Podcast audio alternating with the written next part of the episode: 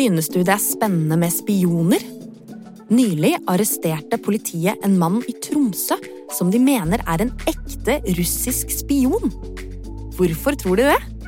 Og hva gjør egentlig en spion? Kunne du tenke deg å kjøre en flygende bil? Det kan kanskje bli mulig snart. Men det er ikke sikkert det blir helt på den måten som du ser for deg. Og visste du at sjakkstjernen Magnus Carlsen er blitt saksøkt for 1 milliard kroner av en annen sjakkspiller? Disse tingene får du høre mer om i dag. Og selvfølgelig så blir det en quiz på slutten hvor du kan vinne premier. Så spiss ørene og følg godt med de neste minuttene. Velkommen til en ny episode av Forklart junior. Jeg heter Kari Mette Hole, og jeg er journalist i Aftenposten Junior.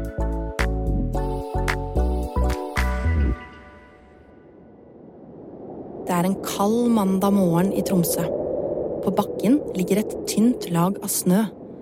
En brasiliansk mann har gått ut av leiligheten sin og er på vei til universitetet der han jobber som forsker. Men mannen kommer aldri frem til universitetet denne dagen. For på bussholdeplassen står politiet og venter på ham. Når mannen kommer forbi, arresterer de ham. Politiet tror nemlig mannen er en spion. Hvorfor eh, tror politiet det? Mannen eh, sier jo at han, eh, han, kommer fra Brasil og har et brasiliansk navn, mens, mens PST vet at han er eh, egentlig født i Russland og har et, eh, et, russisk navn. Han du hører her, heter Trond Haugubakken. Han jobber i PST, som er Politiets sikkerhetstjeneste. Det er en spesiell gruppe i politiet som jobber med å holde landet vårt trygt. Vi vet også at han har forsøkt å få tak i informasjon som, som vi i Norge ønsker skal, skal, være norsk og ikke bli delt med andre land. Og, og det er derfor vi da eh, er sikre på at han er en, en spion som, som jobber i Norge for Russland, selv om at han sier at han kommer fra Brasil. Politiet har fulgt med på denne mannen i flere måneder. De mener altså at han kommer fra Russland. Men hvorfor vil Russland spionere på Norge? Hva spionerer de egentlig på? Det er jo veldig, veldig mange land som spionerer på andre land. Men det er spioner som jobber eh, i et annet land for å prøve å få tak i, er jo informasjon som Norge prøver å holde hemmelig. Altså, det kan være informasjon om eh, ja, hvordan Norge forholder seg til eh, krigen mellom Russland og Ukraina. Det kan være hva slags forskning vi driver med i nordområdene våre.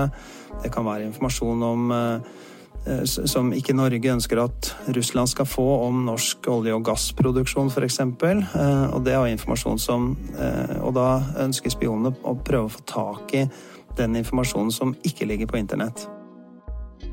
Jeg vil finne ut litt mer om hvordan en spion lever og oppfører seg. Og Mina Madeleine Nystuen, du er journalist og har dykket ned i dette her. Du har snakket med en som er ekspert på spioner, og som til og med har vært spion selv. Hva gjør egentlig spioner? Spioner de lyver om hvor de kommer fra og hva de egentlig heter. Og dette gjør de for å skaffe hemmelig informasjon om andre land. Det høres jo litt ut som spioner sånn som vi ser på film. Men hvordan lever de egentlig? Ja, det høres litt sånn, men de blir ikke like godt eh, lagt merke til. De bor, spiser, jobber og snakker med folk i landene de spionerer på. Og etter hvert kan de kanskje høre en hemmelighet som de kan dele videre med landet de jobber for. Det kan være hva lederne snakker om, eller hva slags oppfinnelser landet har som de gjerne vil ha selv. Mannen som ble arrestert i Tromsø, han blir nå passet på av politiet mens de etterforsker saken og prøver å finne ut mer om han. Men mannen selv, han nekter for at han er en spion. Så hva vil skje videre med han nå?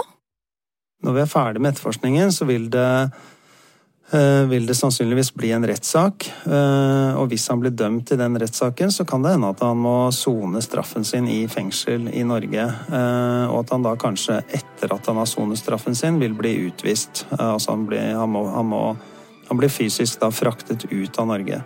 Så, så det er det som kan skje.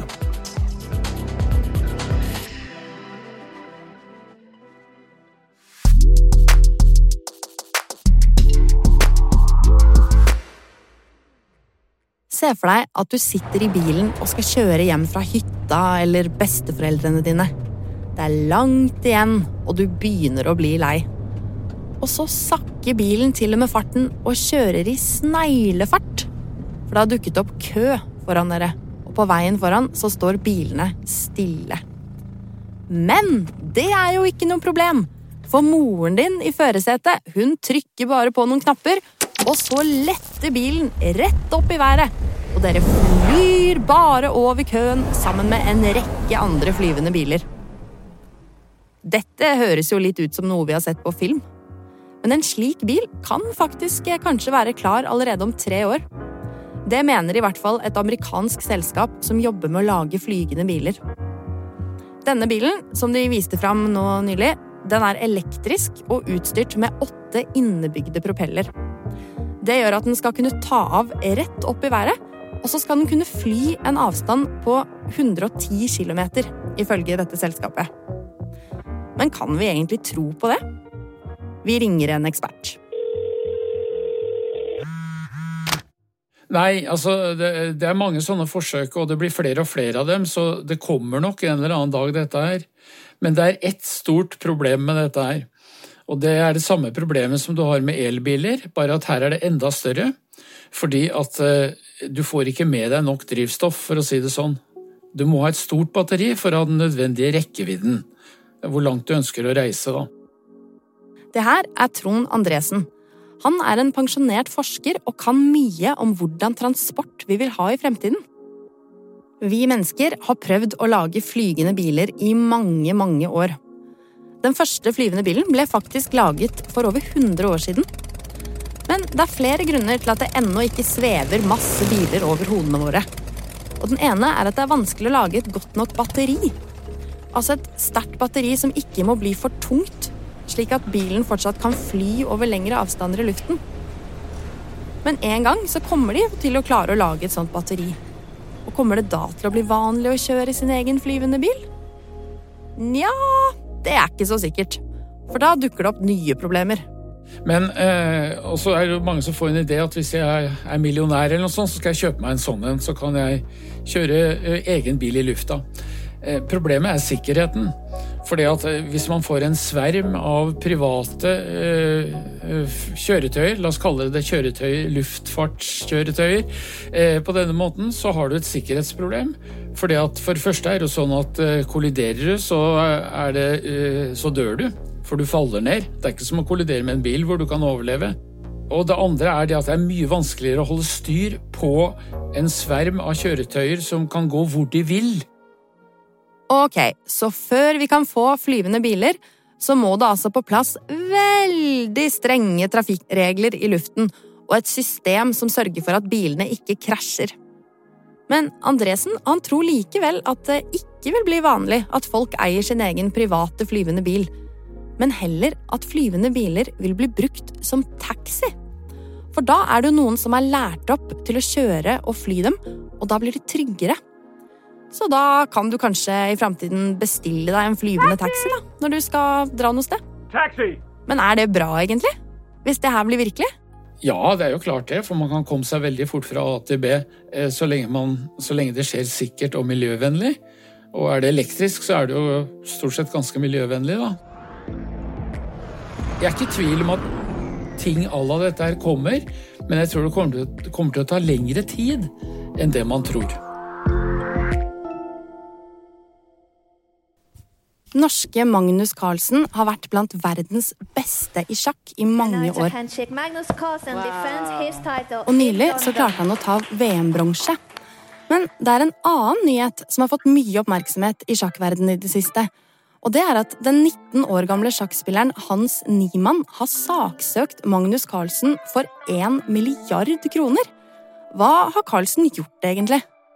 Tapte et parti for eh, Hans Niemann og noen dager senere så dukket plutselig ikke Magnus Carlsen opp på en turnering eh, som han skulle spille. Eh, Carlsen sa senere at han tror Niemann har jukset, og nå er det veldig mange som tror at Niemann jukser. Derfor har Niemann saksøkt Carlsen fordi han mener at nordmannen har ødelagt livet hans. Han du hører her, han heter Nicolas Berg, og han er journalist i Aftenposten og følger nøye med på det som skjer i sjakksporten. Men eh, Nico, hvorfor har egentlig Carlsen anklaget Niemann for å jukse? Har han jukset? Eh, Niemann har blitt veldig mye bedre i sjakk eh, på et par år, og det synes Carlsen er litt mistenkelig. Han syntes også Niemann oppførte seg litt rart under partiet, som om han egentlig ikke trengte å konsentrere seg for å gjøre gode trekk. Og nå har faktisk nettsiden chess.com hevdet at Niemann har jukset i internettsjakk. Eh, men ingen har klart å bevise at han har jukset i vanlig sjakk, altså med brikker og brett. Av krangelen mellom disse to store sjakkspillerne så har det vært mye snakk om nettopp juksing i sjakk i det siste. For du kan jo tenke deg selv, når du sitter rett ovenfor en annen person og spiller et spill som sjakk, så kan det jo ikke være så lett å jukse. Og spesielt ikke for toppspillerne som spiller store turneringer hvor det er mange publikummere som sitter og stirrer på brettet og trekkene de gjør, og alt sammen blir filmet. Så Nico, hvordan jukser man egentlig i sjakk? Eh, I sjakk så finnes det sånne dataprogrammer som kan vise deg hva som er de beste trekkene å gjøre. Eh, og disse er jo ikke lov til å bruke i partier, for da ville alle kunnet være verdens beste i sjakk. Eh, men man kan jukse hvis man på en eller annen måte får vite hva disse programmene anbefaler. Eh, så noen har jukset ved å gjemme en mobil på do, og så kan de sjekke disse programmene der. Og noen har jo til og med sagt at kanskje Niemann har en dings i rumpa som gir han et lite hint av og til. Hva tror du vil skje videre med denne saken nå? Kommer Magnus Carlsen til å måtte betale masse penger til Niemann, tror du? Eh, jeg har snakket med flere eksperter på lovene i USA, eh, og de tror ikke at Magnus Carlsen eh, må betale. Og det er mange som tror at Niemann egentlig ikke har troen på at han kan vinne denne rettssaken, men at han heller gjør det for at alle skal snakke om hvor slem Magnus Carlsen er, istedenfor å snakke om at han kanskje har jukset. Har du fulgt godt med? Nå er det nemlig tid for quiz! Hvis du trenger å høre spørsmålene en gang til, eller du bare trenger å stoppe opp og tenke deg om litt, så kan du bare sette episoden på pause eller spole litt tilbake. Ok, er du klar? Da kjører vi på. Spørsmål 1. Hvilket land mener politiet at mannen de arresterte i Tromsø, og som de mener er en spion, kommer fra? Mm. Mm. Spørsmål to.